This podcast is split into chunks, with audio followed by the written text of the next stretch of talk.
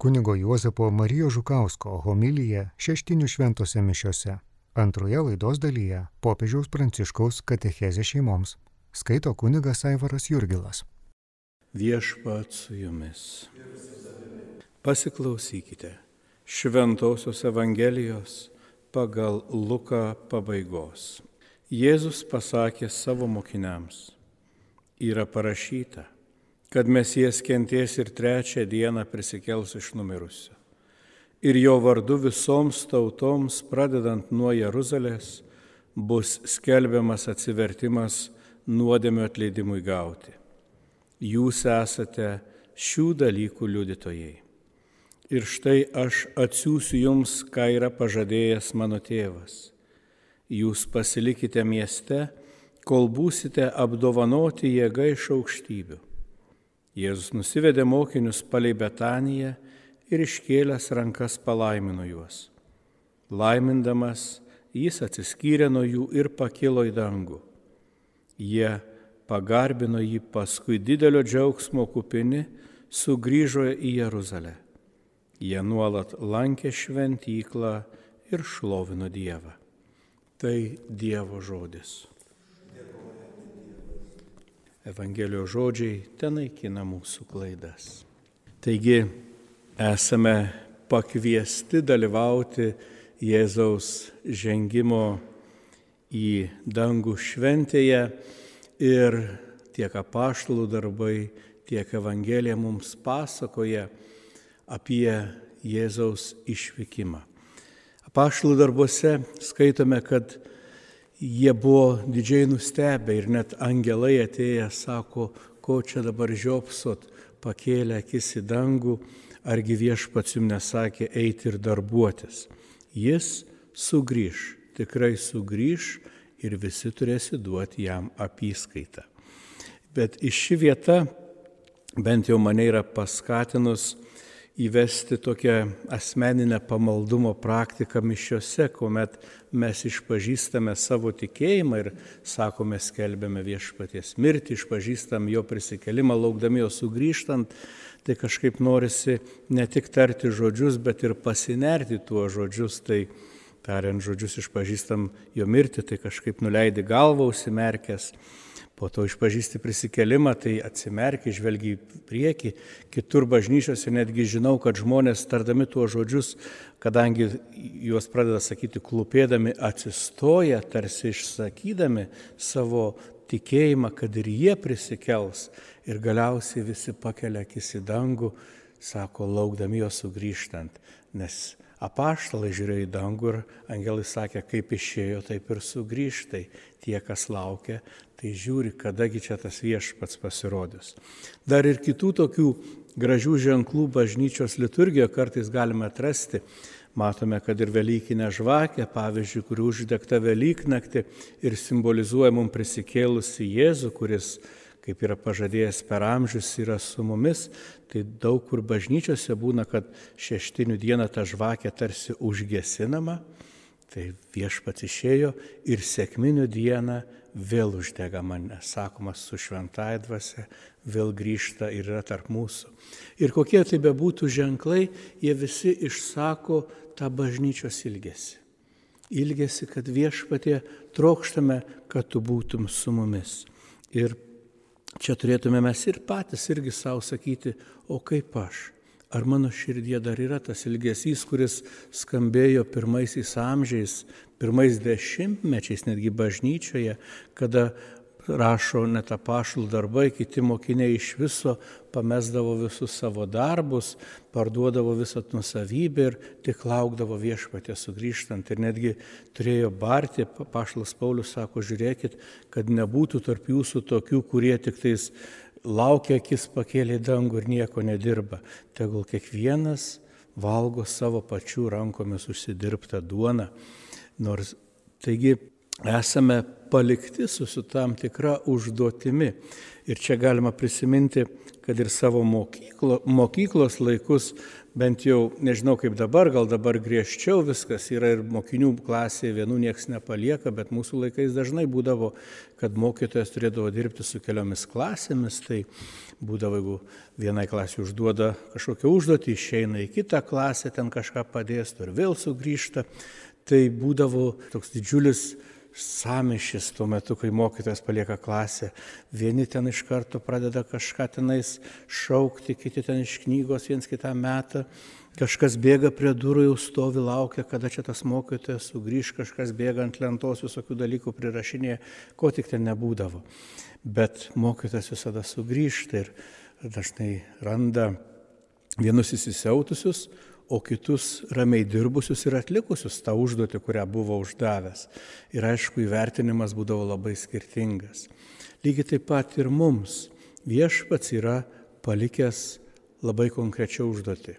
Būtent sulaukti šventosios dvasios ir jos vedamiems tęsti jo pradėtą darbą, tęsti Dievo gailestingumo atleidimo žinios nešimą, kad iki pat žemės pakraščių ateitų ta žinia, kad Dievas pasaulio nepasmerkė, kad jis trokšta, kad nei vienas nepražūtų ir kad kas bebūtų įsitikinęs vienu ar kitu būdu, kad Dievas dėl jo kaž, ant jo dėl kažko tai pyksta, žinotų, kad Dievas yra pasiruošęs atleisti. Kiekvienam, kuris tiesiog pakelia akis į dangų ir sako, tėve, trokštų būti su tavimi. Kaip tas sunus paklydėlis, kuris grįžta pas tėvą, paruošęs kalbą, sakyti, kad tėvė nesuvertas vadintis tavo sunumi, tėvas nieko nelaukia, jisai bėga, apsikabina ir sako, mano sunus buvo pražuvęs, jis yra gyvas, mes turime švęsti. Tai tokia yra žinia, kuri palikta mums, bet tą žinią esame pakviesti dalintis, kad visų širdis būtų užtvindytos džiaugsmu, kad visi galėtume garbinti Dievą. Aišku, kad tai skelbtume, visų pirma turime patys tuo tikėti ir tuo gyventi. Ir tai tikrai nėra lengva. Ypatingai kiekvieną dieną, kada susiduri su išbandymais, sunkumais, galbūt nesėkmėmis ar net su suklupimais ir galvoji Dieve, rodos viskas taip gerai buvo, čia ir melžiaus, ir šlovinau, ir vėl tas pats senas žmogus išlindo, ir vėl mano gyvenime tęsiasi, tarsi Dievo niekad nebūčiau susitikęs. Ką daryti? Šaukis viešpatės, nes vis tik, nors ir atpirktas, esi trapus žmogus, nors ir atpirktas reikalingas kasdienio sustiprinimu, dalyvaudami mišiuose, primdami Kristaus kūną Euharistijoje, mes esame sustiprinami tą gyvenimo duoną, esame sustiprinami viešpatės palaiminimu, kad įveiktume tą kelionę, kad turėtume jėgų sugrįžti iki tėvo namų, kur jau vis bus nušluostytos visos mūsų ašaros, bus sugražinta ta Dievo vaikų garbė ir mes galėsime regėti viešpati veidas į veidą. Taigi šiandien, kada švenčiame Kristaus žengimą į dangų, šveskime ir visų mūsų tą dangišką tėvynę, į kurią kartu, kaip broliai ir seserys, keliaujame.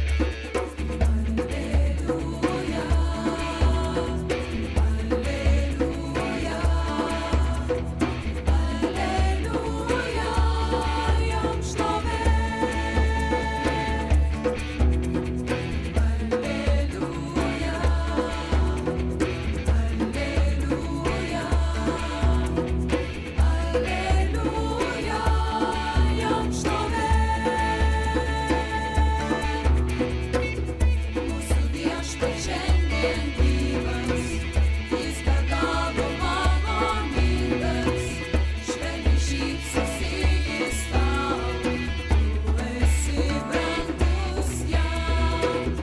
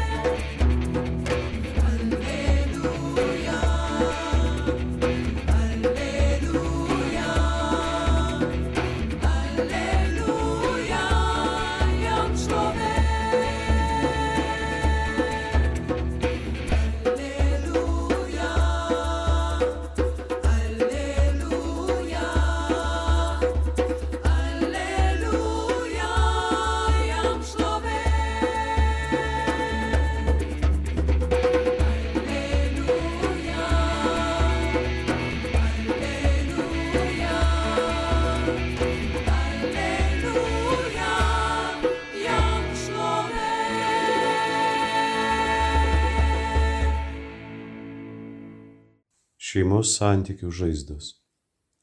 Ankstesnėse katechezėse kalbėjome apie šeimos patiriamą žmogiškojo būvio pažeidžiamumą, skurdą, lygą, mirtį. Šiandien apmastysime sužeidimus, patiriamus šeimos gyvenime, kai šeimoje įskaudiname vienas kitą. Tai pats blogiausias dalykas. Žinome, kad kiekvienos šeimos istorijoje yra momentų, kai brangiausius ir intimiausius jausmus sužeidžia kitų šeimos narių elgesys.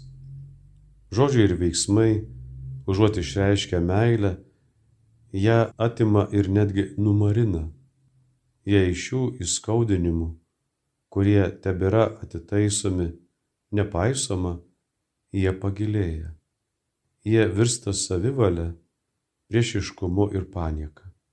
Šioje būklėje jie gali tapti giliomis žaizdomis, atskiriančiomis vyrą nuo žmonos ir skatinančiomis ieškoti supratimo, palaikymo, paguodos kitur. Tačiau dažnai šie palaikymai netitinka šeimos gėrio. Išblėsus santokiniai meiliai, iš santykių sklinda apmaudas. Dažnai ši nedarna užgriuvo vaikus.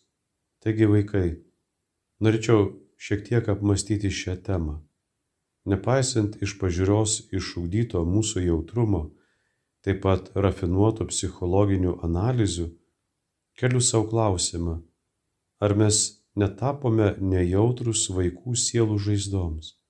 Jo labiau stengiamasi kompensuoti dovanomis ir skanumynais, juo labiau prarandamas šių dvasinių žaizdų, tokių skausmingų ir gilių prasmės suvokimas. Daug kalbame apie elgsenos problemas, psichinę sveikatą, vaiko gerovę, apie tėvų ir vaikų baimės. Bet ar žinome, kas yra dvasinė žaizda? Ar juntame svorį to kalno, kuris užgriuva vaiko sielą šeimose, kurių nariai blogai elgesi ir skaudina vienas kitą tiek, kad suardomi santuokinės ištikimybės ryšiai. Kokio sunkumo yra mūsų pasirinkimai, pavyzdžiui, klaidingi pasirinkimai, kaip stipriai jie slegia vaiko sielą. Kai suaugusieji praranda galvą, kiekvienas galvoja tik apie save, kai tėtis ir mama skaudina vienas kitą, Jų vaikų sielos baisiai kenčia. Jie patiria neviltį. Šios žaizdos palieka žymę, išliekančią visą gyvenimą. Šeimoje viskas yra susiję. Kai jos siela kur nors sužeidžiama, infekcija perdodama visiems. Kai vyras ir moteris įsipareigoja būti vienu kūnu ir sudaryti šeimą, susitelkia tik į savo laisvės ir malonumų poreikius, Šis iškreipimas labai giliai paveikia jų vaikų širdis ir gyvenimus. Dažnai šie vaikai pasislepia ir vienumoje verkia. Tai turime gerai suprasti. Vyras ir žmona yra vienas kūnas. Jų vaikai yra kūnas iš jų kūnų. Apmastę, kaip griežtai Jėzus įspėja suaugusiuosius nepiktinti mažutėlių Girdėjome tą Evangelijos ištrauką. Galime geriau suprasti ir jo žodį apie didelę atsakomybę ir įpareigojančią saugoti santokinį ryšį, grindžiantį žmogiškąją šeimą. Palyginti Mato Evangelijos 19 skyrius nuo 6 iki 9 eilutės. Kai vyras ir moteris tampa vienu kūnu, visos mamos ir tėčio žaizdos bei apleidimai turi įtakos jų vaikų gyvam kūnui. Kita vertus tai tiesa, kad kai kuriais atvejais separacija yra neišvengiama. Kartais įtampa moraliai net būtina, kai silpnesnį sutuoktinį ar mažus vaikus reikia apsaugoti nuo dar sunkesnių sužeidimų dėl piknaudžiavimo ir smurto, pažeminimo ir išnaudojimo paniekinimo ir abejingumo. Ačiū Dievui netrūksta tokių, kurie stiprinami tikėjimo ir meilės savo vaikams, liudyja ištikimybę ryšiui, kuriuo patikėjo, nors atrodo neįmanoma jo atgaivinti. Tačiau ne visi atsiskyrusieji jaučiasi tam pašaukti. Ne visi vienatvėje išvelgia viešpaties pašaukimą. Savo aplinkoje matome daugelį šeimų gyvenančių vadinamojoje nereguliarioje būklėje. Iš tikrųjų, man asmeniškai nepatinka ši savoka ir tai verčia mus susimastyti, kaip galime jiems padėti, kaip galime juos palydėti, kaip galime juos palydėti, kad vaikai netaptų tėčio ar mamos įkaitais. Prašykime viešpaties didžio tikėjimo, kad galėtume matyti tikrovę Dievo akimis. Prašykime didelės meilės, kad galėtume artintis prie žmonių gailestinga širdimi. Girdėjote popiežiaus Pranciškaus katechezę šeimoms skaitė kunigas Aivaras Jurgilas, o pirmoje laidos dalyje kunigo Juozapo Marijos Žukausko homilija šeštinių šventose mišiose.